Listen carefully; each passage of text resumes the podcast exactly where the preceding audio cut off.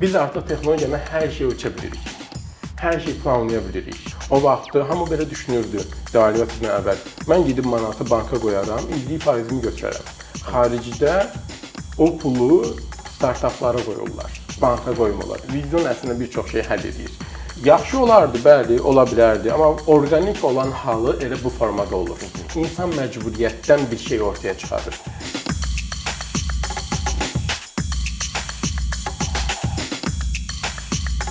Ülvi salam. Salam. Xoş gördük. Zəhmət olmasa özünüzü bizim Əkinçinin auditoriyasının tanıması istədiyi kimi təqdim edin. Çox sağ olun dəvətiniz üçün. Adım Ülvi Ülvi Aslanov. Mən ə, 2011-ci ildən artıq Bakıdayam və fəaliyyət sahəm daha çox texnologiya üzərinədir. Hal-hazırda Kodaktimin direktoruyam və Kodaktimin qurucusu və eyni zamanda direktoruyam. Biz təhsil müəssisəsi olaraq fəaliyyət göstəririk ki, bundan əvvəlki mənim keçmişim əsasən proqramlaşdırma üzərinə olub. Ə, Ondan sonra komanda rəhbəri şəklində ə, fəaliyyət göstərmişəm və sonrasında startaplara, yeni qurulan şirkətlərə, daha çox digital şirkətlər ya da innovativ şirkətlər desək daha doğru olar. Onlara mentorluğum olub ki, onlara daha çox ə, hansı sahədə ya da onlar özlərini necə təqdim etməlidirlər bir investor qarşısında. Bununla bağlı da bir neçə belə beynəlxalq səviyyədə uğurlarımız da olub. Sonrasında belə deyək, uzun müddət dövlət sahəsində çalışmışam və artıq belə deyək, dövlət tərbiyəsi aldıqdan sonrasında da ə, öz şəxsi biznesim üzərində daha çox belə deyək ki, biz buna biznes yönümlü şəklində qeyd etməyik, təhsil müəssisəsinin ə, özəl olaraq fəaliyyətini aparır və ə, belə deyək, oranın direktoruyam. Çox gözəl. Bu informasiya texnologiyaları sahəsi, xüsusilə IT ə, qısaldılması ilə çox məşhurdur, amma hardasa eşidir bu ifadəni. Amma mənə elə gəlir ki, bu ifadənin biraz açılmasına ehtiyac var. Yəni informasiya texnologiyaları sadə insanlardan danışaq. Məsələn deyək ki, nəqliyyatdan istifadə edən, dükanda alış-veriş edən, gündəlik işə gedib gələn insanlar. Onların həyatlarını birbaşa yaxşılaşdırmaq üçün bu informasiya texnologiyalarının rolu nədən ibarətdir? Sadə dildə bunu açıqlasaq Sadə dildə belə desən, əslində ə, inform informasiya məsələn, informasiyanı biz kommunikasiya kimi baxsaq, kommunikasiyanın texnologiyada istifadəsi yönümündə biz baxa bilərik məsələyə. Və orada artıq yeni bir iş qolları əmələ gəlir. Əslində türklər bunu çox fərqli bir formada qəşəng tərcümə ediblər. Onlar bilişim deyirlər, bilişim sahəsi. Bilişim sahəsi bəhs edir ki, onu başa düşək ki, biz nədən danışırıq. Azərbaycanda bu sahə biraz qarışır. İKT deyirik, bəzən IT deyirik. Çünki informasiya texnologiyaları və ya informasiya və kommunikasiya texnologiyaları şəklində tərcümə edirik bunu. Burada biraz fikir qarşılığı yaradır və daha çox texniki terim kimi insanlara şey olur. Amma əslində gündəlik həyatımıza baxdıqda bütün istifadə etdiyimiz detallar deyək, detalların bizə yol göstərən bəzi cihazlar deyək. Məsələn, bunlar hamısı bu sahədə ya onun proqramçısı o fəaliyyət məşğul olub, ya dizayner məşğul olub.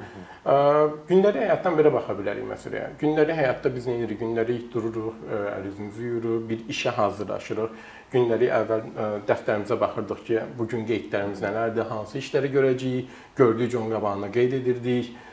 Ondan sonra telefonu götürürdük əgər çörə belə deyək də nəqliyyatdan istifadə etməyib ya da özəl taksini istifadə edəcəksə taksi sifariş verirdik.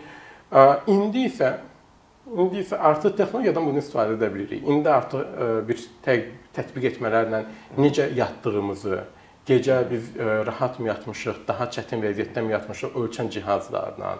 Səhər durduqdan sonra bizim to-do listimiz artıq telefonumuzda əgər özümüzə reminderlər qoymuş, xatırladıcılar qoymuşuqsa, artıq onlarla günümüzü planlaya bilirik. Bu günləri hətta belə deyək də yediyimiz yeməyin kalorisini ölçənə qədər, bu gün nə qədər enerji qəbul edəcəm, nə qədər verəcəm ölçməyə nə qədər texnologiyadan istifadə edirik. Taksi sifariş vermək istəyirik, telefonla danışmaq istəmirik, götürürük, bir proqram təminatına sifarişimizi verə bilirik. O günkü bütün planımızı texnologiya sahəsindən keçiririk və beləliklə əslində bu sahədəki işləyən bütün hər kəsi IT sahəsində işləyən əməkdaşlar kimi baxa bilərik, həmkarlar kimi baxa bilərik onlara. Bir bir toxunurlar. Hər kəsin bir toxunma şeyi var.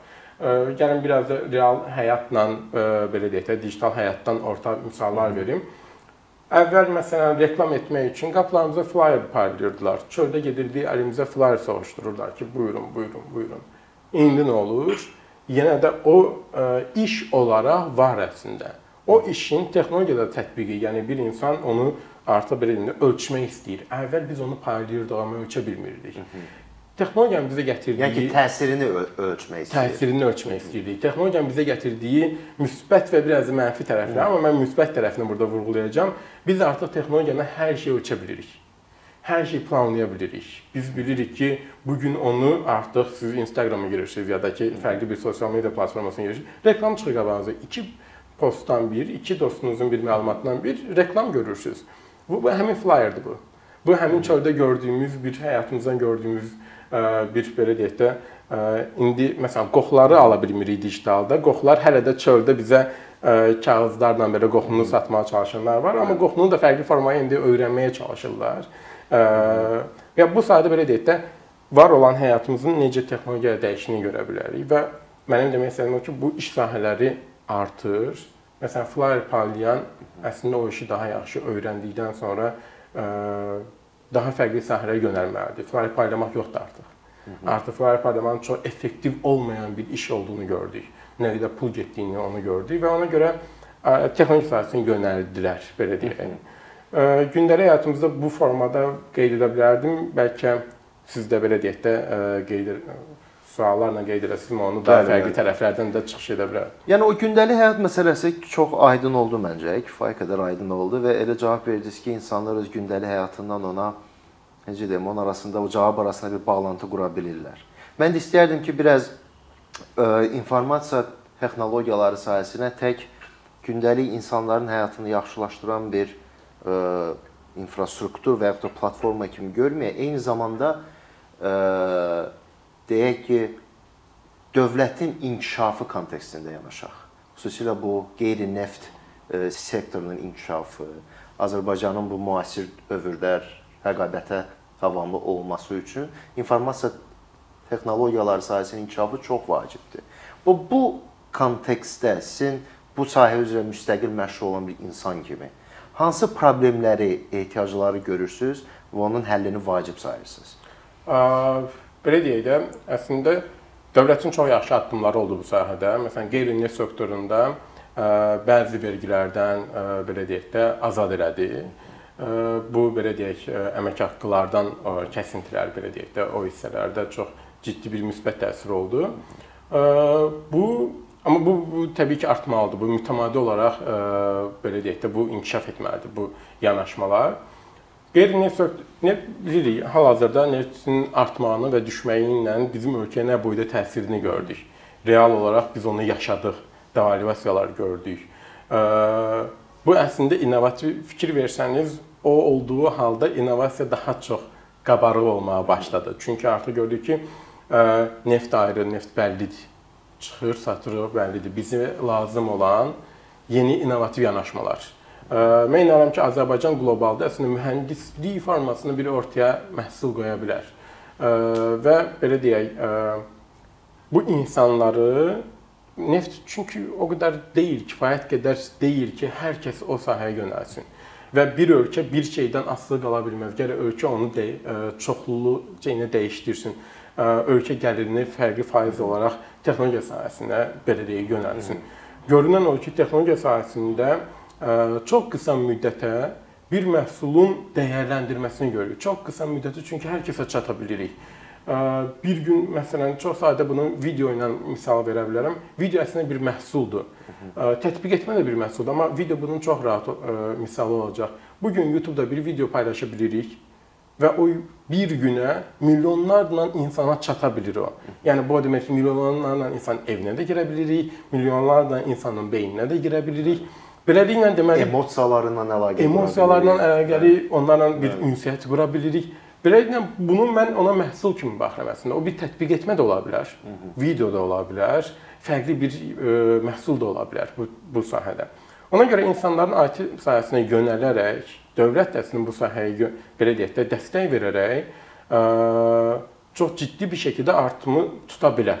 Ə, e, belə deyək də daha da artıra bilər. Ə, milli gəliri də artıra bilərik.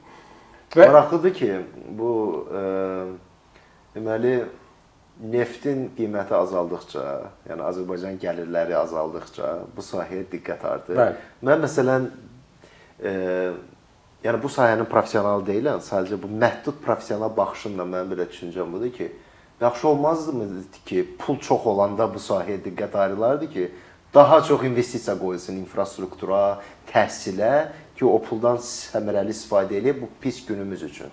Yəni bu biraz orqanik yanaşma. Mən deyərəm ki, bu bütün ölkələrdə biraz düzdür, biz belə deyək, biz, biz gənc bir ölkəyik. Gənc bir ölkə olduğumuz üçün də bəzi şeyləri ölçməkdə çətinlik çəkə bilərik. Ə, yaxşı olardı, bəli, ola bilərdi, amma orqanik olan halı elə bu formada olur. İnsan məcburiyyətdən bir şey ortaya çıxarır. Mən məcburiyyətdən qazanca doğru yönəlmirəm. Mən ə, universitet vaxtımda məcburiyyətdən beynəlxalq səviyyədə bir platforma qurub orada onlayn ticarətlə məşğul idim. 11 il əvvəl, 12 il əvvəl. Çünki pula ehtiyacım var idi. Universitet oxumalı idim, yaşayış görmədim. Yəni bəzi şeylər məcburiyyətdən ortaya çıxır. Məcburiyyət insanları daha fərqli yollara sövq eləyir. Yəni innovasiya da orada çıxır ortaya əslində. Neftin gəlirini aşağı düşən vaxtda insanlar daha fərqli belə deyək də bu neftin aşağı düşməyi bu nələrə təsir edir? Gəlin ona baxaq. Bu real estate-i təsir elədi. Yəni əmlak sektoruna təsir elədi bank daxilindəki olan qoyduğumuz pul faizinə təsir elədi. O vaxtı hamı belə düşünürdü devalvasiyadan əvvəl. Mən gedib manatı banka qoyaram, illik faizimi götürərəm.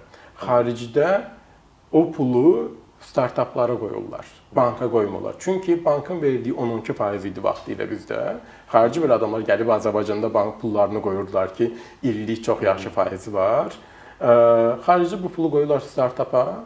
Çünki qısa müddətli o pul 50%-ə qədər, 100%-ə qədər dəyişə bilirdi. Arta bilir, dəyərən 3 il, 5 il, 7 il sonra da oradan artıq exit edib çıxa bilirdilər. Belə pullarını pul qataraq çıxa bilirdilər.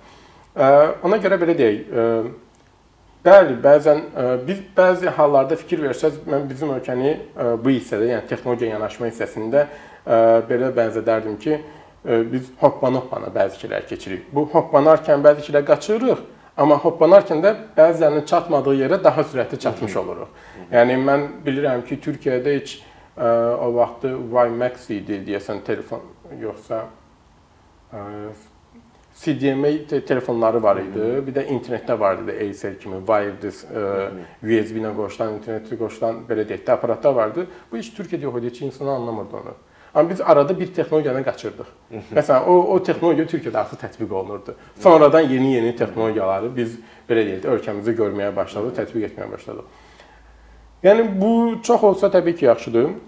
Biraz mən bunu orqanik olaraq görürəm. Bu biraz dövlətin təşəbbüsündən də yanaşı, ayrıca belə deyək, investorların ya da ki, ümumiyyətlə büdcəsi olan insanların inamı ilə önəmli bir məsələdir. Biraz əvvəl qeyd etdiyim bir məsələ var ki, biz təhsil müəssisəsi qurarkən çox ciddi missiyamızdan böyük bir müəssisə qurarkən biz şir ürəyi yeyərək bu işə girdiyimizi bilirdik. Və çox hasant bir şey deyil. Yəni o o şir ürəyi yemək və o işi görə bilmək. Ona görə bu insanlar sayı da biraz artmalıdır ki, bu sahədə biraz inkişaf edə bilsin. Kifayət qədər kompleks sahədir mənim anladığım qədərilə. Yəni savadlılıq təsir edir bu məsələyə. Ümumiyyətlə texnologiyaya açıqlıq təsir edir. Yəni dünya görüşü təsir eləyir. Həsən çox qəşəng deyirsən, texnologiya açıqlıq. Bəli. Bu texnologiya açıqlıq insanlarda olsa, vizyon olaraq çox rahat yerlərə gələcək. Yəni vizyon əslində bir çox şey həll edir.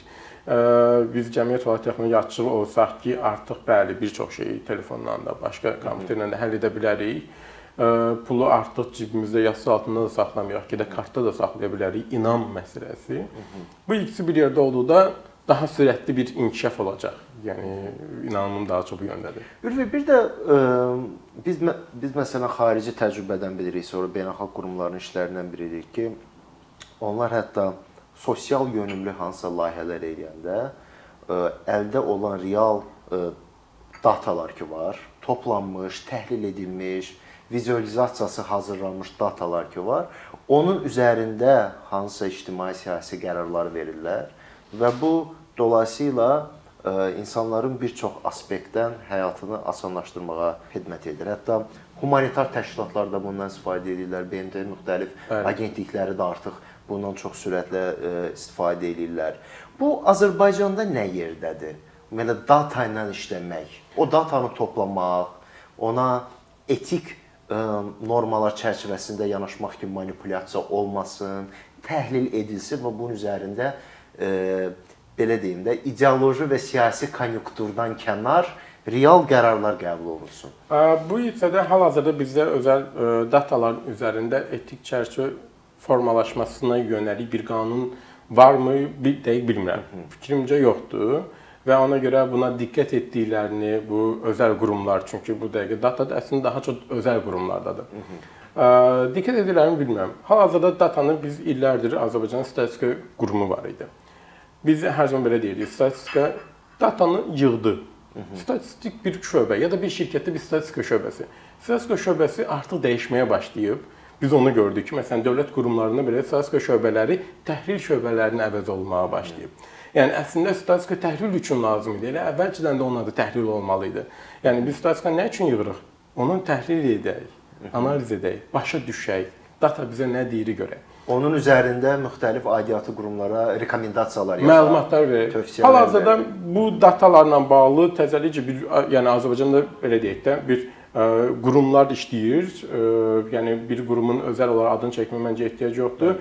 Amma onlar artıq görürəm ki, datalar üzərində işləyirlər, dataları toplayırlar.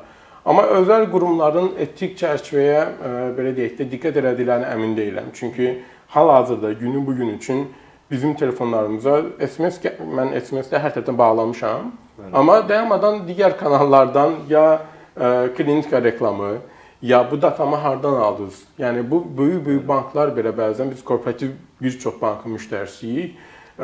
Oradan mənim datam keçib digər mütəxəssisin əlinə, mütəxəssis mənim adımı bilmədən, kimliyimi bilmədən sadəcə o belə deyək də korporativ müştərisiyəm deyə mənə zəng vurub mənə nəsə təklif edir.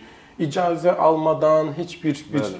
yanaşma olmadan Hansı ki biz onlar, yəni onlar da bizdən işləməyə məcburdur. Biz məcbur deyilik. O bank olmayacaq, bir başqasına gedəcəyik. Bunu başa düşmək önəmlidir.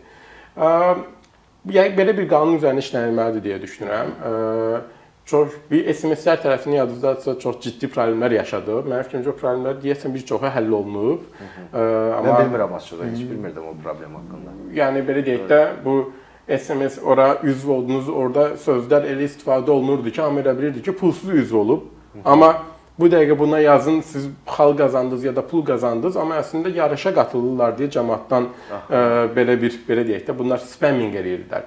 Yəni qısacası ə, e, datanın data toplamaqda bir bir problem yoxdur əslində. Data toplanılmalıdır. Ə, e, datanı şəxsi olaraq toplanılmağı məsələsi deyil. Ad, soyad, bunun kim olduğu önəmli deyil. X, Y-in bu formada yanaşması, baxışı, görüşü, ideologiyası olaraq maraqlarını bilərək ona uyğun məhsulu təqdim etməkdə bir sıxıntı yoxdur əslində. Əgər o adamın şəxsi məsələsinə qarışmadığımız müddətcə, şəxsi datasını toplamadığımız müddətcə Bu çünki həmin adam xeyrinə də ola bilər. Bu data üzərində həmin adamlara bir məhsul təklifi, amma ona adamın icazəsi qarşılığında bir məhsul təklifi olmağı həmin adam istəyirsə, deməli təklif də olunmalıdır. Bu tələb təklif üzərində bir formalaşır. Biz məsələn biz müəssisə olaraq biz bütün dataları bəli toplayırıq, bütün danışıqlarımızı, bütün qeydlərimizi toplayırıq. Bunun üzərində bizim özəl bir işçiyə ehtiyac deyil. Yəni onsuz da gələn adama özümüzü inkişaf edirik ki, növbəti dəfə necə yanaşaq? Növbəti hərəkətlərimizi necə edək? Dövlət içərisində isə düşünürəm ki, zamanla olacaq məsələdir. Özəl sektorda biz texnologiya sahəsinin bütün vaxtı məsələn belə şirkətlərin, banklarla işlədiyimiz üçün oradan bilirik. Məsələn, data science-a doğru artıq yönəlmələr var. Artıq yeni-yeni təlim qrupları, insanlar və ya da şirkətlər formalaşmağa başlayır. Üzr istəyirəm. Məsələn, dünən fikirləşirdim.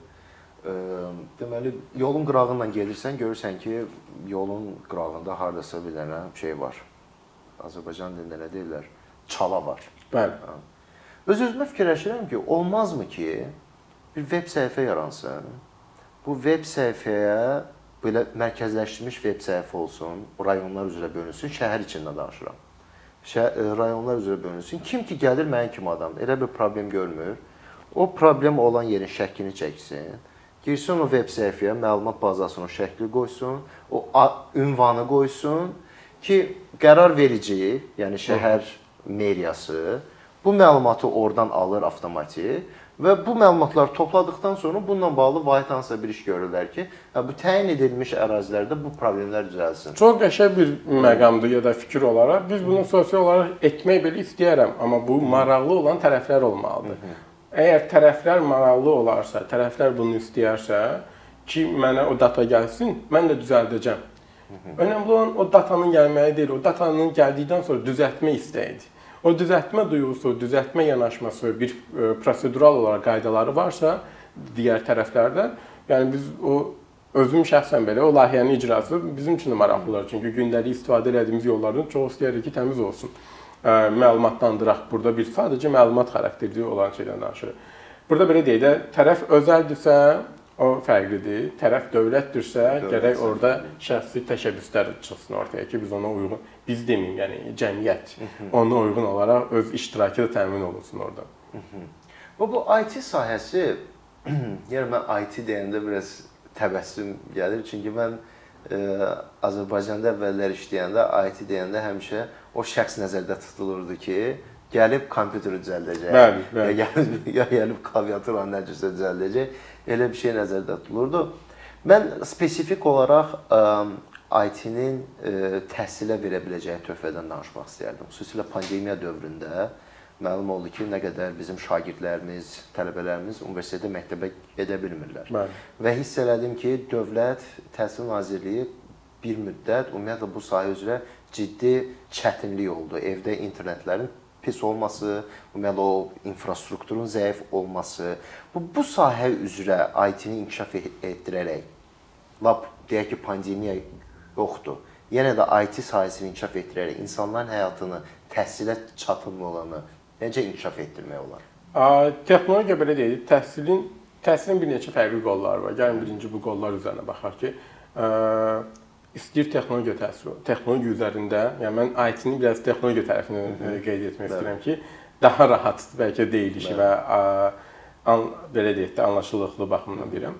Ə, birinci təhsil tərəfindən baxaq ki, təhsil modelləri üzərində bir var sinif daxili təhsil, instructor led traininqlər deyirlər bunlar. Müəllim qarşısında müəllim danışır, tələbələr də bir qrup içərisində dinləyirlər. Var ə, belə deyək də onlayn olaraq, ə, burada yenə də müəllim canlı olaraq danışır və onlayn olaraq hər kəs bir avadanlıqla qoşulur, dinləyir, bu kompüterdə ola bilər və s. Var belə deyək də asinxron bir təhsil. Asinxron təhsil də odur ki, öncədən qeyd olunmuş videolar üzərində öyrənmə metodikası. Bu fərqli-fərqli modellər var. Birinci, bütün modellərdə texnologiyanın bir bir tətbiqi mümkündür və texnologiyanın bir bir tətbiqi ilə daha sürətli öyrənmək mümkündür. Biz nəyi ə, e, təcrübə elədik, öyrəndik və sonradan da bunu inkişaf etdirdik? Texnologiyanın tətbiqi ilə öyrənmə müddətini qısaltmaq olar. Biz universitet deyilik, biz özəl e, əlavə təhsil müəssisəsiyik. Bizim işimiz nədir? Qısa müddətə insanları sektora uyğun olaraq işlə təmin etmək. Öyrətmək və işlə təmin etmək. Bu qısa müddət nə qədər qısa müddətdir amma? Bu qısa müddət 4 ay ola bilər, 8 ay aralığında dəyişə bilər. E, bu formada bir yanaşma seçmişik. Və bu bütün texnologiyanın ən vacib elementlərini tətbiq etdiyimiz üçün insanlar o qədər qısa müddətə öyrənirlər. 2015-ci ildə məsələn insanlar bunu öyrətmək çox çətin oldu ki, qısa müddətə öyrənmək olar. 10 illərə öyrənənlər biraz qısandılar, paxıllıq elədilər ki, biz 10 ilimizi vermişik. Necə oldu ki, bəli, biz də 10 ilim, mən də 10 ilimi vermişim. 2003-cü ildə bəri kod yazıram, amma öyrəndiyim bloq oxuyaraq, bir bunun təhsil üzərinə yox, onlayn dərsliklərdə öyrənmişəm. Gör amma nə qədər vaxt itirmişəm. Amma indi 2000 belə deyək 2000-li doğumlu deyək, ya da 18-21 yaş aralığında bir nəfər bu biliklə çox sürətli şəkildə daha çoxlu qazana bilir. Qlobala da işləyə bilir. Yəni təhsil tərəfinə dönək. Belə deyək, məsələn, Təhsil Naziri çox ciddi bəzi şeylər elədi. Pandemiyaya yönəlik olaraq ailələrə yardımlar elədi, bildiyim qədərilə güzəştlər elədi, endirimlər elədi və s. İnternet problemi təhsil tərəf, Təhsil Nazirliyinin edə biləcəyi bir məsələ. Bu biraz infrastruktur məsələdir. Kaş ki Azərbaycan hər tərəfinə optik kabellər çəkilərdi. Kaş ki rayonlarımızda çox yaxşı internet sürətləri olardı. Bu pandemi dövründə də rayonların o bağlılığını elə tənzimlənərdi ki, insan girərdi bir yerə, 2 ay rayonda qalardı. Şəhərdə bina evində boğulmazdı. O insanlar onsuz da rayonda, açıq havada bəlkə də yerləri də var. Hı. Bu formada tənzimlənərək internet sürətləri də yaxşı olsa ki, bir çox tanıdığım da bunu elədi internet sürətini bir şəkildə həll edərək, çox çətinliklə belə deyək də formalaşdıraraq bunu həll etməyə çalışdılar. Birinci belə dedi, bunlar bir-birinə əlaqəli olan məsələlərdir. Əgər daxili infrastruktur çox yaxşı olsa, təhsilin öyrənməyin imkan yaranacaq. Təsəvvür edin ki, teledərslər yarandı. Bütün dünyada fərqli-fərqli ölkələrdə teledərslər oldu. Bu nədir? Asinxron dərslərdir. Teledərslərlə öyrənmə müddəti bir mövzunu daha uzun çəkər.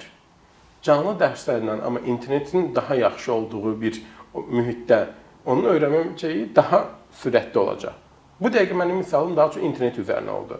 Yəni biz də texnologiyanın özündən, məsələn, kompüterin sürətindən danışaq. Biz də hər zaman deyirik, təhsil bir qoldan, bir ayaqdan ibarət deyil. Təhsilin əslində 4 ayağı var. Təhsilin bir ayağı onun müəllimdir. Müəllim çox keyfiyyətli olmalıdır ki, bu qədər müddətə bu təhsili verə bilsin. İnstruksiya keyfiyyəti. Bəli. Amma 2 nəfər, bir nəfər çox yaxşı instruktordur. Bu işi bilir, təmin Bu işi bilir bir nəfər ekspertdir. Sən də ondan onun təhsil alması istəyirsən. İkiniz bərabər otursanız, o müddətdə o təhsil ala bilməyəcəksiniz. Mümkün deyil. Nəyə görə mümkün deyil? Bunun digər qolu, ayağı dediyimiz şey gəlir bunun texnologiya tərəfi. Yəni kompüter avadanlıq. Gəlin belə deyək də, bir Windows IT texnologiyaları içərisində sistem administratorluğunu ya da şəbəkə administratorluğu üzərində öyrənən bir nəfərdən danışaq bir kompüteri Windows install edərkən neçə saat çəkəcək, orada serverda bir bir testlər edəcək ya da ki özəl bir render eləyəcək ya da 3D modelləşdirmə tərəfində. Əgər kompüterin sürəti zəifdirsə, o 4-5 saat eləyəcək ya da 10 saat eləyəcək. Kompüterin sürəti güclüdürsə, o daha qısa, yarım saat, 20 dəqiqə eləyəcək və beləliklə öyrənmə müddətini daha da qısaldacaq.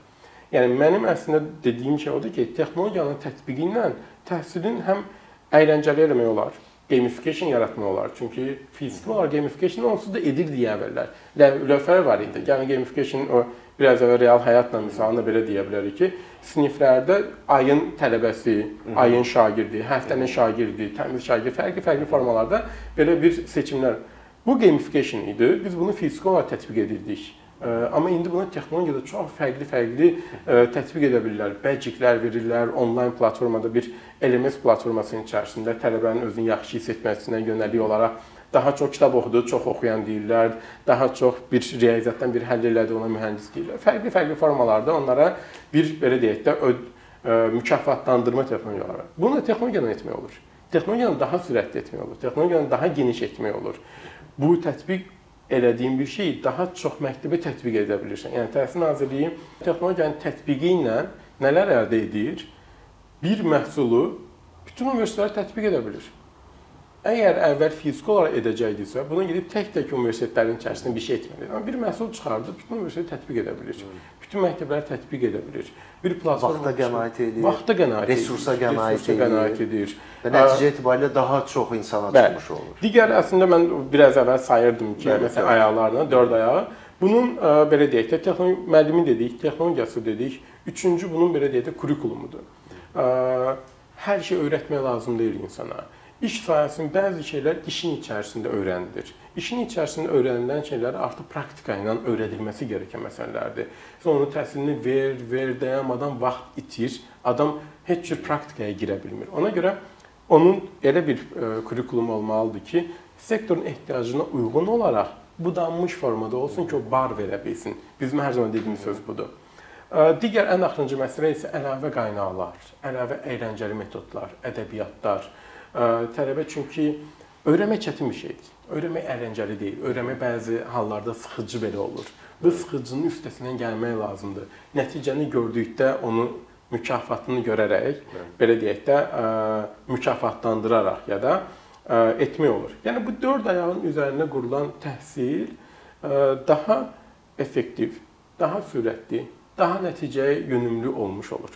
Ona görə texnologiyanı belə deyək də, bu təhsil naziri, istəyir digər qurumlar, özəl məktəblər, mən ona görə bir naziri üzərindən yox, daha çox qurumlar üzərinə getmək istəyirəm ki, texnologiyanın bütün ə, təhsil variantlarına tətbiqi ilə optimallaşdıra bilər, ölçə bilər, ə, belə deyək də daha effektiv halda gətirə bilərlər. Ölçərək ə, hansı yanlış məqamlar Bəli. varsa, onları çıxarda bilərlər və nəticə etibarilə də impact sözünün Azərbaycan dilinə tərcüməsi, yəni ictimai təsiri, ictimai təsiri daha çox olar.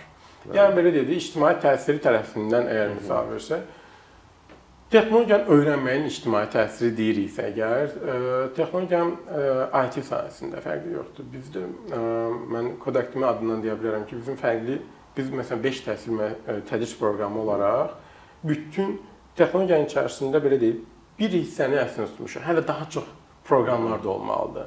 Bunun robotiksi var, bunun data science var, bunun artificial intelligence var, süni zəkası var. Digər çoxdur. Amma biraz bunun tələb təklif məsələsində ə, belə deyək, mən robotiks üzərinə çox yaxşı dərs vermək istəyirəm. Hətta yaxşı instruktorlarımız da var. Amma ə, nəticədə harda işləyəcək məsələsi, çox az bir yerdə işləmə məsələ məsələləri var.